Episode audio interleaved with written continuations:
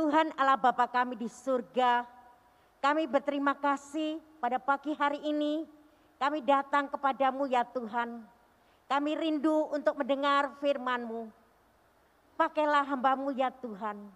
Urapi dengan kuasa dari roh Tuhan.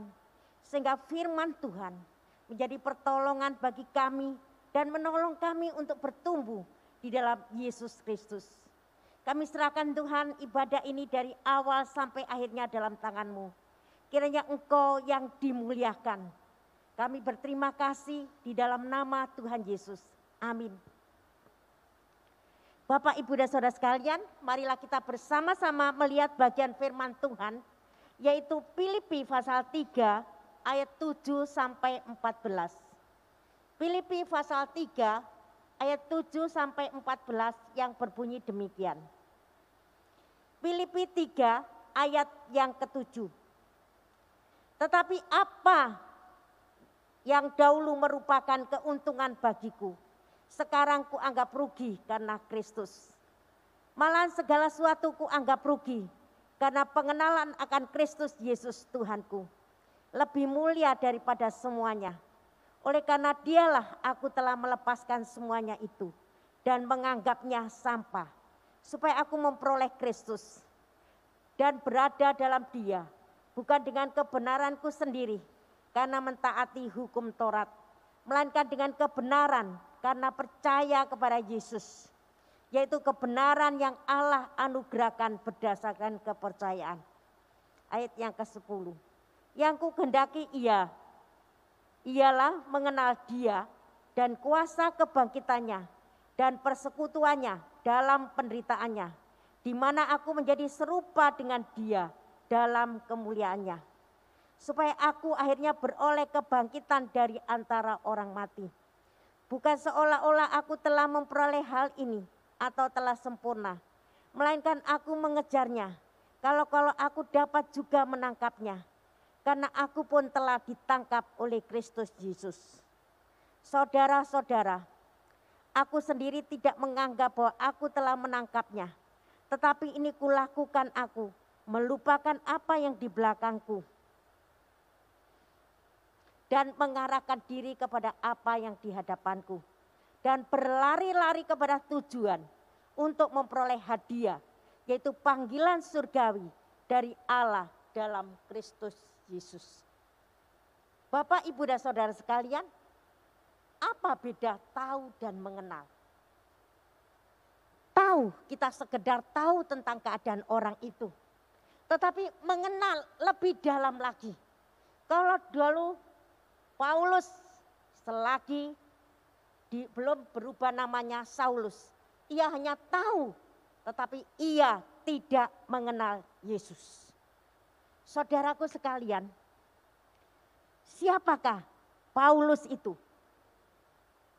Paulus sebelumnya bernama Saulus sebelum ia bertobat tetapi berubah namanya menjadi Paulus setelah ia mengalami pertemuan dengan Tuhan.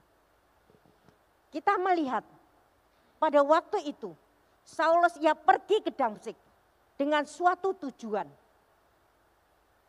untuk menganiaya pengikut-pengikut Kristus. Mereka ditangkap dibawa ke Yerusalem. Inilah yang dilakukan oleh Saulus pada waktu itu.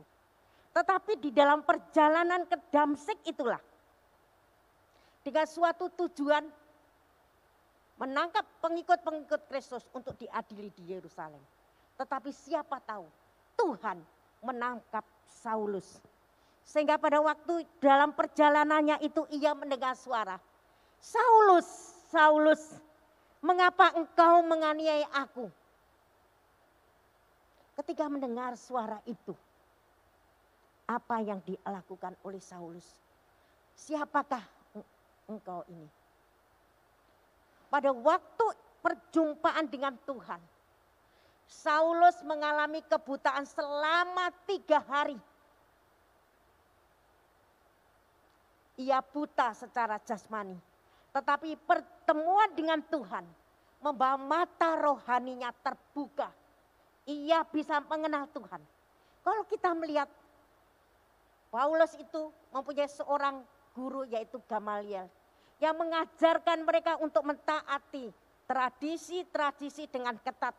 Sehingga itulah sebabnya Saulus waktu itu adalah seorang boleh dikatakan sebagai algojo-algojo yang tidak percaya kepada Tuhan. Ia hanya percaya kepada peraturan-peraturan tradisi Taurat, tetapi ia tidak mengenal Tuhan. Saudaraku sekalian, inilah yang terjadi di atas diri Saulus yang akhirnya berubah menjadi Paulus. Setelah dia perjumpaan dengan Tuhan, kita melihat cara pandang Paulus berubah. Cara pandang Paulus berubah. Ia tahu masa lalu itu tidak berarti lagi. Kalau kita perhatikan ayat yang ketujuh dikatakan. Tetapi apa yang dahulu merupakan keuntungan bagiku. Sekarang anggap rugi karena Kristus. Bahkan ayat yang ke-8 di bagian terakhir. Ia menganggap semuanya itu sampah supaya aku memperoleh Kristus. Cara pandang yang berbeda daripada Paulus. Kalau dulu dia mempunyai surat kuasa dari imam-imam untuk menangkap pengikut-pengikut Kristus, dia bangga. Dia seorang yang pandai, seorang yang berpendidikan, yang menjalankan Taurat secara ketat. Tetapi dia tidak mempercayai Tuhan Yesus. Sehingga itulah sebabnya dia menangkap pengikut-pengikut Kristus untuk diadili. Ini yang terjadi. Yang merupakan kebanggaan dia. Dia sombong. Dia seorang yang merasakan dia melakukan hukum Taurat. Dia juga merasakan dia yang paling pandai. Dia merupakan suatu kebanggaan kalau bisa menganiaya orang-orang percaya. Termasuk dia menyetujui Stefanus yang dirajam batu. Saudaraku sekalian, secara manusia, sebelum Paulus bertobat, dia seorang yang boleh dikatakan seorang yang jahat sekali. Namun saudaraku sekalian, Tuhan merubah dia. Allah merubah dia melalui pengalaman pribadi, yaitu buta selama tiga hari tiga malam itulah. Akhirnya Paulus menyadari dirinya sendiri. Ia merasakan kebanggaan dulu. Ia bisa melakukan hukum agama. Ia merasa bangga. Ia merasa dihormati oleh orang-orang pada waktu itu. Akhirnya setelah dia benar-benar mengenal Tuhan. Ia menganggap itu adalah suatu kerugian. Itu adalah penghormatan manusia hanya bersifat sementara. Dia menyadari dirinya. Ia merasa rugi di dalam kehidupannya karena Kristus. Ia merasa rugi kalau perbuatan-perbuatan masa lalu itu tidak berkenan kepada Allah. Saudaraku sekalian, dari hal ini kita tahu Paulus sebelumnya mempunyai kebencian di dalam dirinya, mempunyai dendam kepada orang pengikut-pengikut Kristus, mempunyai kepahitan di dalam hidupnya. Namun itu semua. Setelah dia berjumpa dengan Tuhan Yesus, apa yang dia banggakan itu merasakan tidak berguna. Karena kemuliaan Kristus lebih berharga. Mendapatkan Kristus lebih berharga. Inilah cara pandang dia. Cara pandang yang berbeda. Kalau merasakan dulu kesuksesan, ketenaran, kuasa yang diberikan oleh imam-imam merupakan kebanggaan dia tetapi setelah dia bertemu dengan Tuhan Yesus, ia merasakan itu semua tidak ada artinya baginya. Bahkan seperti sampah yang harus dibuang karena Kristus. Saudaraku sekalian, ia telah melepaskan semuanya itu. Kebanggaannya, kuasanya karena Kristus. Dia mau mati terhadap diri sendiri karena Kristus. Saudara sekalian, kita lihat kalau Tuhan mau memakai seorang, Tuhan juga tidak melihat latar belakang orang itu. Apakah dia jahat, apakah dia seorang pembunuh, apakah dia seorang yang boleh dikatakan secara manusia itu jahat sekali. Namun saudara, Tuhan memanggil Saulus menjadi Paulus itu tidak ada sesuatu yang mustahil. Kalau kita lihat di dalam kitab perjanjian baru. Banyak surat ditulis oleh Rasul Paulus. Dan bacaan-bacaan yang kita lihat itu. Yang kita baca, yang kita renungkan. Adalah suatu yang luar biasa. Ditulisnya di dalam penjara. Tetapi juga ada sebagian ditulis dalam penjara. Tetapi sangat menguatkan jemaat pada waktu itu. Dan menguatkan kita semua. Saya yakin dan percaya. Kita pada waktu membaca surat-surat Paulus itu. Kita dibangkitkan, kita disemangatkan kembali dalam melayani Tuhan. Kita juga diberikan suatu petunjuk-petunjuk yang indah. Sungguh luar biasa. Tuhan memakai orang. Suatu yang tidak mungkin menjadi mungkin. Kalau Tuhan merubah orang itu. Yang kedua, kita lihat bukan saja cara pandang Paulus itu berbeda. Kita melihat karena pengenalan akan Kristus merubah dirinya. Ayat yang ke-10. Yang ku kehendaki ia mengenal dia dan kuasa kebangkitannya dan persekutuan dalam penderitaannya. Di mana aku menjadi serupa dengan dia dalam kematian. Saudaraku sekalian. Ia benar-benar mengalami mengenal Yesus Kristus. Kalau dia dulu pengenalannya hanya secara agama, dia tidak mendalami. Tetapi dia akhirnya mengenal siapa yang Tuhan sembah. Melalui pergumulan yang dialami, melalui juga dia yang buta selama tiga hari itu. Ada seorang pembimbing yang digerakkan Tuhan, yaitu Ananias datang kepada dia, mendoakannya, membaptisnya dan memuridkannya. Saudara, saya lihat Ananias ini juga dia seorang yang taat kepada Allah. Mengapa? Kita tahu sebelumnya Saulus itu adalah seorang yang menganiaya orang-orang percaya. Tetapi ketika Tuhan memerintahkan Ananias untuk pergi menjumpai Saulus pada waktu itu, dia pun datang mentaati firman Tuhan. Dia mengajar dengan baik, memuridkannya dia untuk bertumbuh di dalam Yesus Kristus. Sehingga cara pandang yang berubah itu dan sungguh merubah kehidupan Paulus. Kalau kita melihat surat-surat Paulus misalkan di dalam 2 Korintus 5 ayat yang ke-17. Siapa yang ada di dalam Kristus? Ia adalah ciptaan yang baru, yang lama sudah berlalu, sesungguhnya yang baru sudah terbit. Ini yang terjadi di atas diri Paulus. Setelah dia percaya kepada Allah, ia menjadi ciptaan yang baru, menjadi suatu yang baru, yang lama dia sudah berlalu dan memperbarui dengan hari-hari yang baru. Kita yang bertahun-tahun mengikut Yesus, Adakah kita menjadi suatu ciptaan yang baru di dalam Tuhan? Dengan pembaruan karakter yang ada di dalam diri kita. Yang terus-menerus diproses dan diperbarui oleh Tuhan. Itu suatu pertanyaan dan renungkan di dalam diri kita. Apakah yang perlu kita barui di dalam hidup kita?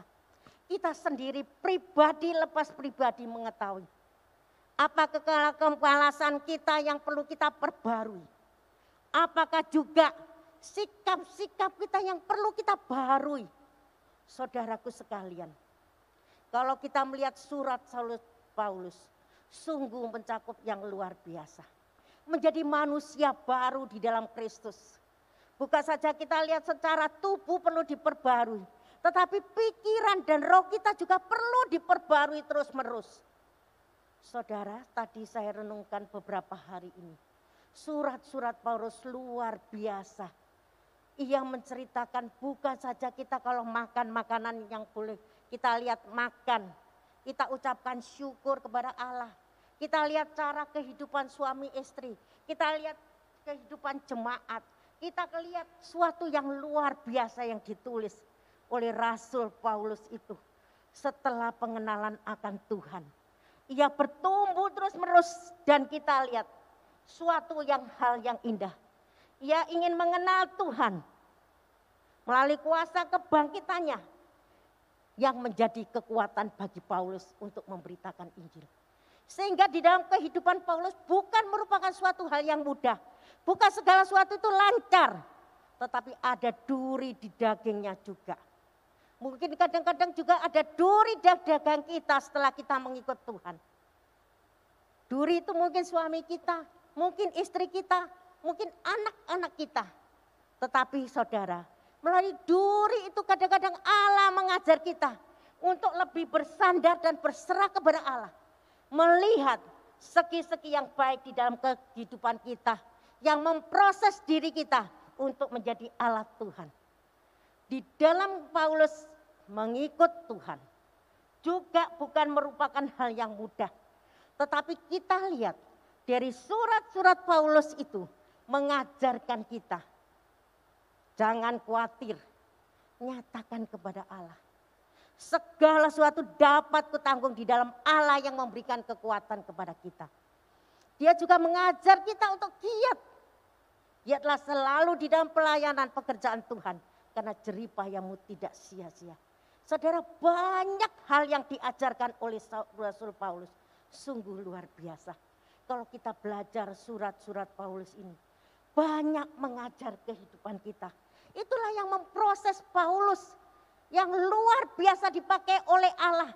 Saya yakin dan percaya surat-surat itu ditulis melalui pengalaman hidupnya. Baik pengalaman dia di dalam kehidupan sehari-hari, kehidupan jemaat. Meskipun dia di penjara pun, ia memperhatikan jemaat yang dia layani. Dia tidak memikirkan keadaan dirinya sendiri, tetapi dia memikirkan jemaatnya untuk terus bertumbuh di dalam iman rohani mereka. Untuk tetap kuat menghadapi arus ini yang tidak mudah. Saudara, perubahan karakter Paulus terjadi karena dia sungguh-sungguh mengenal siapakah Kristus. Berapa tahun kita mengikut Tuhan? Adakah kita sungguh-sungguh mengalami mengenal siapakah Tuhan yang kita sembah? Kalau kita kehidupan lancar, tidak pernah mengalami sakit, penyakit, tidak mengalami kesulitan. Karena itu kita sering kali tidak merasakan bagaimana kuasa kebangkitan Tuhan yang menolong kita. Bagaimana kuasa Tuhan yang hadir di tengah-tengah memproses diri kita menjadi alat yang berguna. Bukan saja karakter dari Paulus yang berubah, tetapi kita juga melihat pelayanan sejati yang dilakukan oleh Paulus. Coba kita lihat hal yang selanjutnya. Paulus menerima panggilan surgawi. Ayat yang ke-17 kita perhatikan.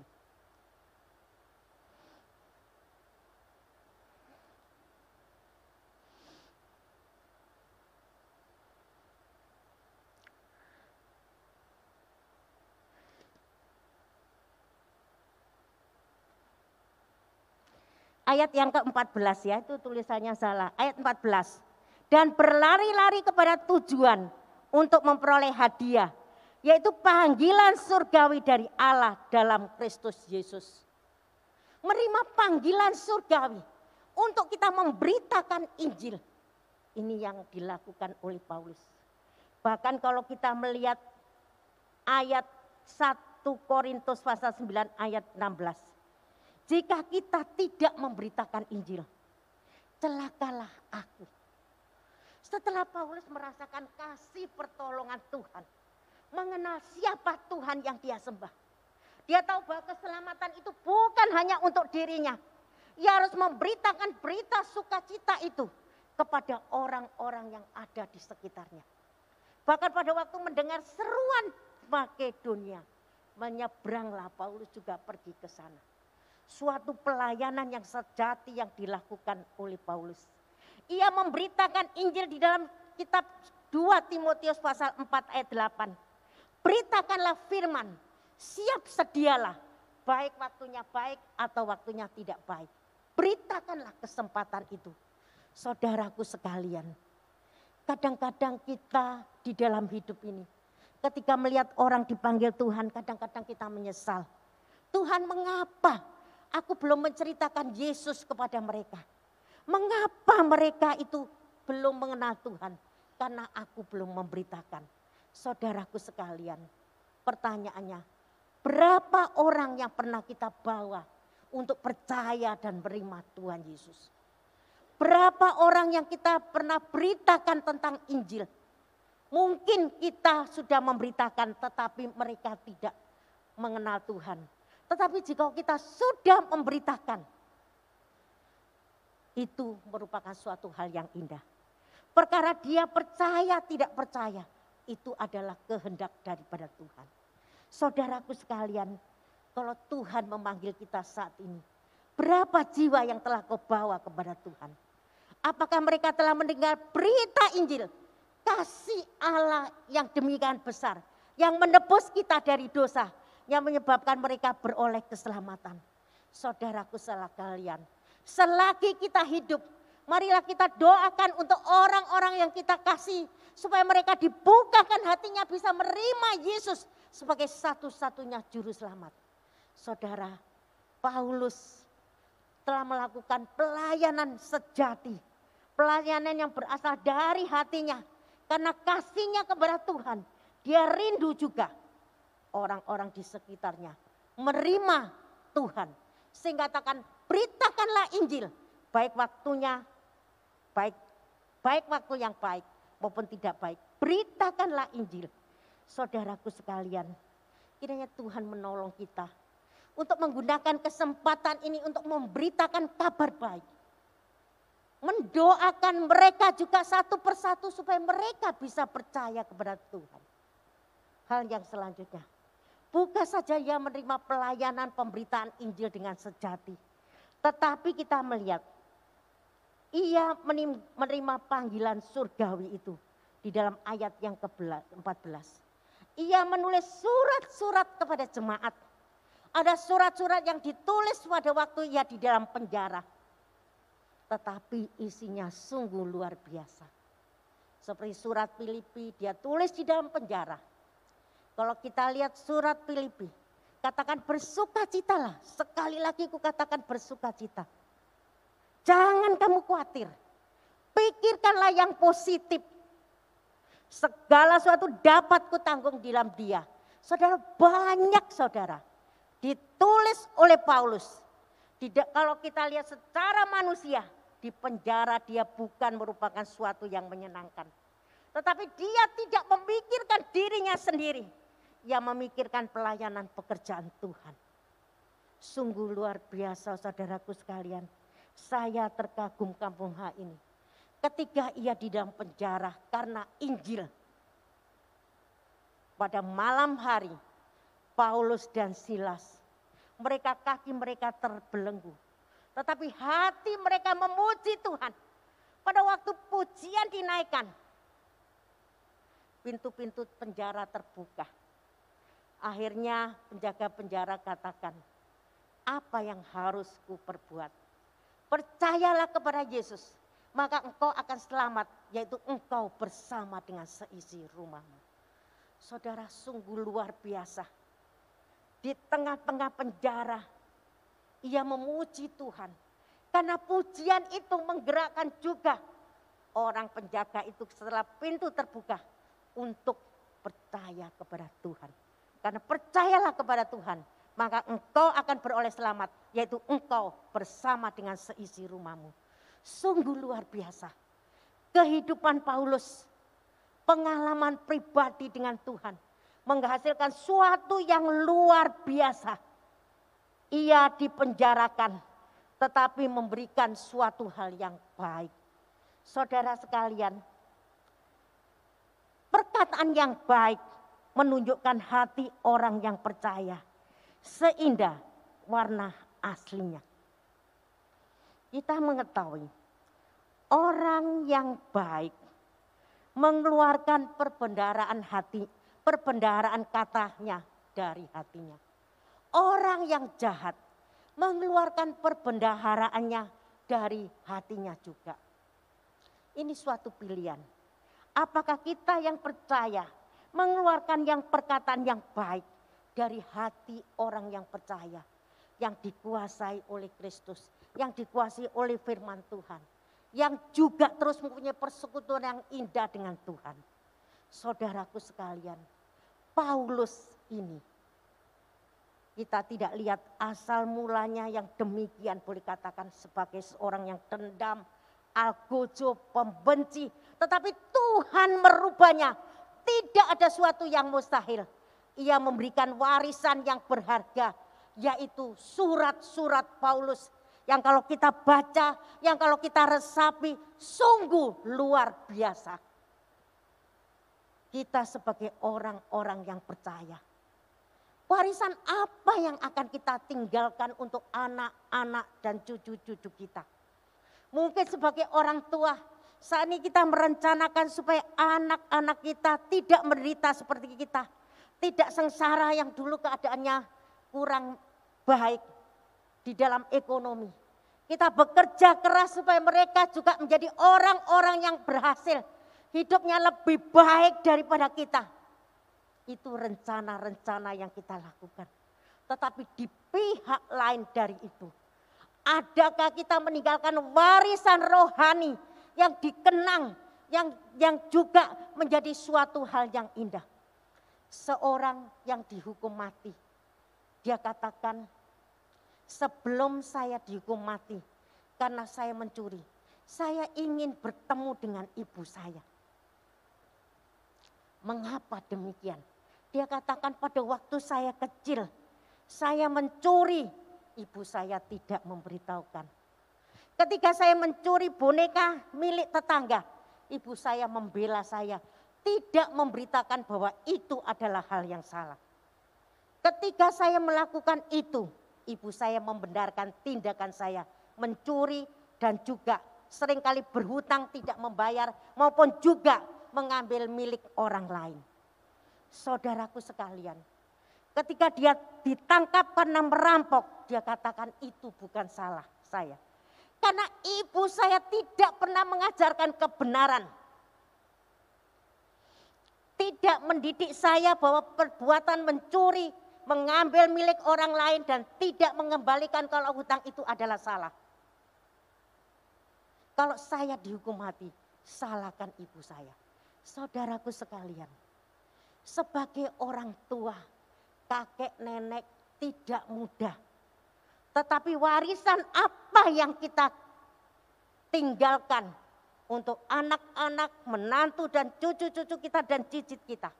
Apakah warisan rohani yang kita renang, kita kenang dan itu sungguh sangat berharga sekali.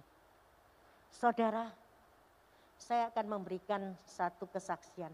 Saya punya nenek Robo itu dia bukan seorang yang pandai karena zaman dulu itu tidak sekolah ya.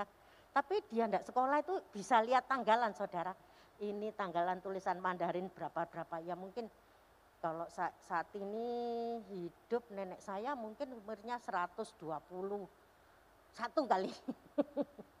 Sudah tua sekali. Tapi zaman dulu tidak sekolah. Tapi satu hal yang saya ingat dari dia apa? Sebagai orang tua kadang-kadang sulit tidur. Tidur sore, malam tengah malam bangun. Apa yang dia lakukan? Dia dinasihati oleh pendeta. Mak, kalau tidak bisa tidur doa mak. Doa untuk gereja, doa untuk anak cucu. Saudara benar. Ketika kami pulang, saya pulang, malam-malam itu bangun saudara jam 11 Doa, keras sekali doanya. Tidak pelan-pelan, doa. Tuhan, tolong nasi A, si B, si C, disebut. Anak cucu satu-satu disebut. Supaya Tuhan berkati pekerjaannya tetap beriman dan juga untuk pendeta dan sebagainya. Saudara, itu warisan yang saya kenang. Suatu hal yang sangat indah. Kehidupan dia sederhana tetapi memiliki suatu doa yang luar biasa merupakan kekuatan bagi kita yang kita wariskan.